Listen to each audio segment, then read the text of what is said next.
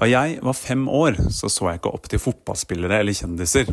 Jeg hadde én helt, jeg, og det var Arne Kjeldal, daglig leder på den lokale dildofabrikken i bygda der jeg vokste opp. Og nå, etter mange år, har Arne endelig sagt ja til å bli intervjuet av meg. Dette er første del i mitt intervju med Arne Kjeldal, hele Norges dildokonge.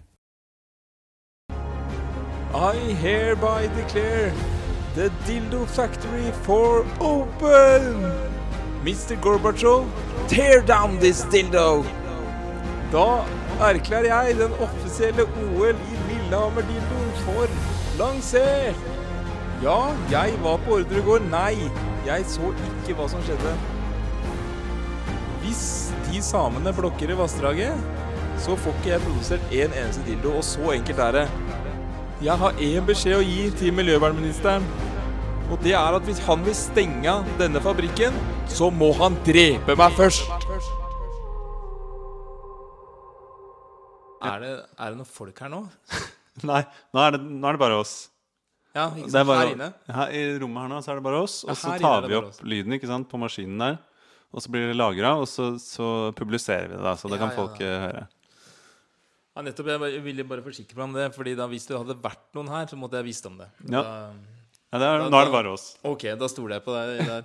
Ja, det kan du gjøre. Men du, eh, du har jo drevet denne dillefabrikken i mange år. Ehm, hvordan var det du starta eh, med dette? Hvordan begynte du å jobbe på dillefabrikken? Ja, nei, det er jo, det er jo sånn at jeg eh, Jeg tok jo over etter far min. Nå er det godt og vel eh, 30 år sia, og så hadde jo han tatt over etter far sin igjen, og far Hasses før der igjen. Mens Hasses far der igjen, han har vi ikke noe eh, Han veit vi ikke så mye om. Han var, tror vi, kanskje seriemorder. Ja, Så det, det er en familiehemmelighet. Men, eh, men nei, det har vært drevet eh, dildofabrikk i den slekta her i eh, nesten 100 år. ja, det er såpass, ja. Men hvordan var det man lagde og produserte dildoer eh, altså før eh, man fikk sånne moderne maskiner? da? Nei, da var det å gjøre det på gamlemåten. Da Da måtte du brette opp erma og gå ned til, til skauen og eh, hugge trær.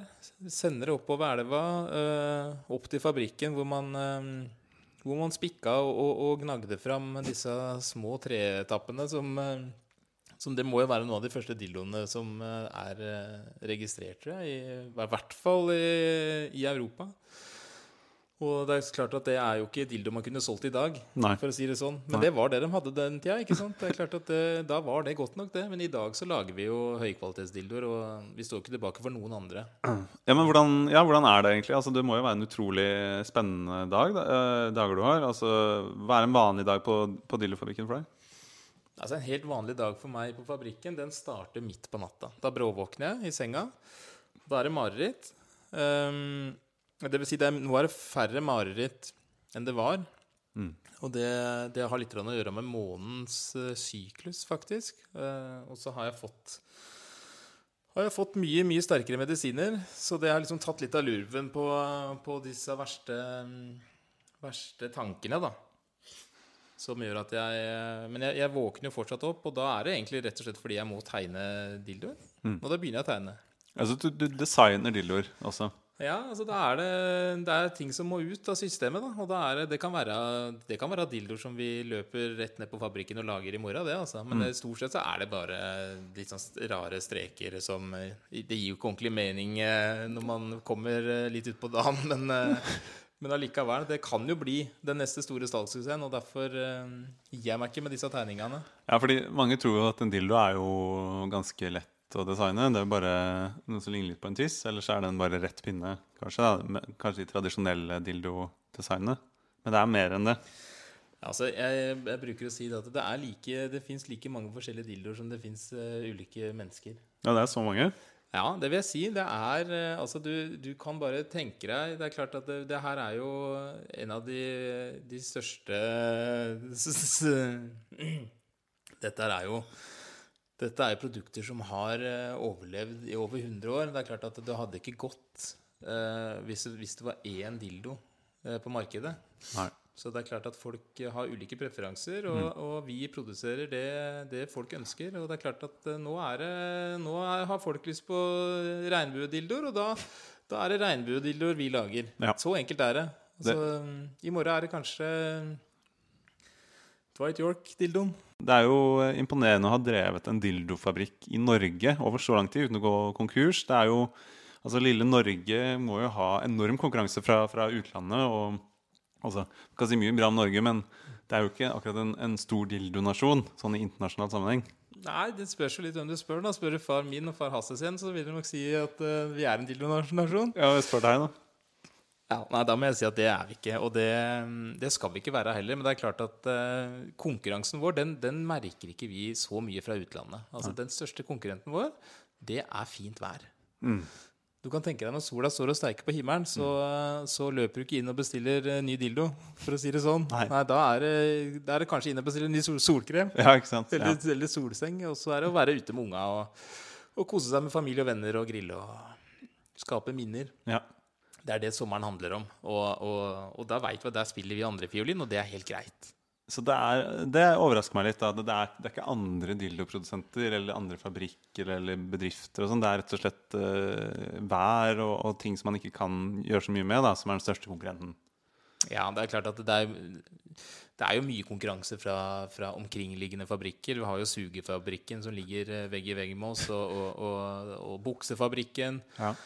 Det er klart at det, det er masse konkurranse derfra også. Det er ikke noe tvil om det. Men det, når det er sagt, eh, mellom oss programleder, så kan jeg si at eh, jeg tror nok konkurransen fra de omkringliggende fabrikkene blir noe mindre i, i tiden fremover.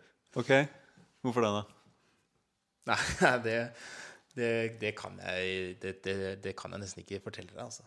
Helt ærlig. Hva, men det skal skje noe, eller? Nei, altså jeg kan si så mye som at hvis jeg hadde jobba på, på sugefabrikken, så hadde jeg kanskje ikke dratt på jobb i morgen. Hvorfor ikke det? Nei, det, det kan jeg ikke si. Altså, jeg kan ikke si det. Jeg skulle, jeg skulle veldig gjerne ha sagt det. Jeg skulle veldig gjerne ha varsla alle som jobba der, og kanskje særlig Monica på marked. Veldig vakker kvinne på, på marked i, på sugefabrikken. Men, men jeg, det kan jeg ikke gjøre. Ok, greit. Nei, greit.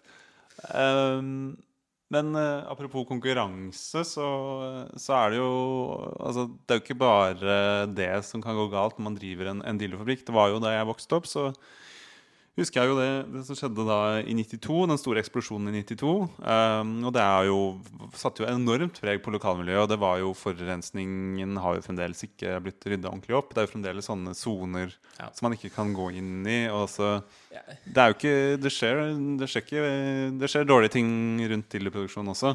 Ja, altså jeg må bare arrestere deg litt. Det er klart at det har vært eh, Jo da, det, det er noen, eh, noen skjær i, i sjøen. Blir det. Men, eh, men jeg vil jo si det, programleder, at hvis du, hvis du tror det er en dans på roser å holde på å drive Norges beste dildofabrikk gjennom generasjoner, da er du, da er du i beste fall naiv. Ja. det, det er Det er jo gå så langt som å si at da er du en idiot, og da kan du gå, rett og slett bare gå og henge deg. Nei. Jo, Ja, men Ok, ja, men eh, siden du nevner det, da, så, så husker jeg jo også at uh, det var jo veldig mange på, som jobba på den fabrikken, som hang seg en periode. Det var en periode på to-tre år, var det ikke det? Hva, hvorfor Altså- det? Hva er det som skjedde der? Dette syns jeg blir flisespikking. Men det er klart at eh, jo da, hvis du ser litt stort på det, så Jeg tror ikke det er folk som henger seg noe mindre eh, andre steder. Eh, på Equinor og, og NSB og, og, og Men det var mye en periode, da. Ja, men altså, skal jeg være helt ærlig altså, hvis, hvis, hvis, hvis folk ikke hadde hengt seg, da hadde jeg blitt bekymra. Altså, hvis, eh, hvis en av mine medarbeidere hadde kommet løpende opp til meg og sagt Arne, Arne, i dag er det ingen som har hengt seg. Og vet du hva, Da hadde jeg løpt ned så hadde jeg stengt fabrikken med en gang.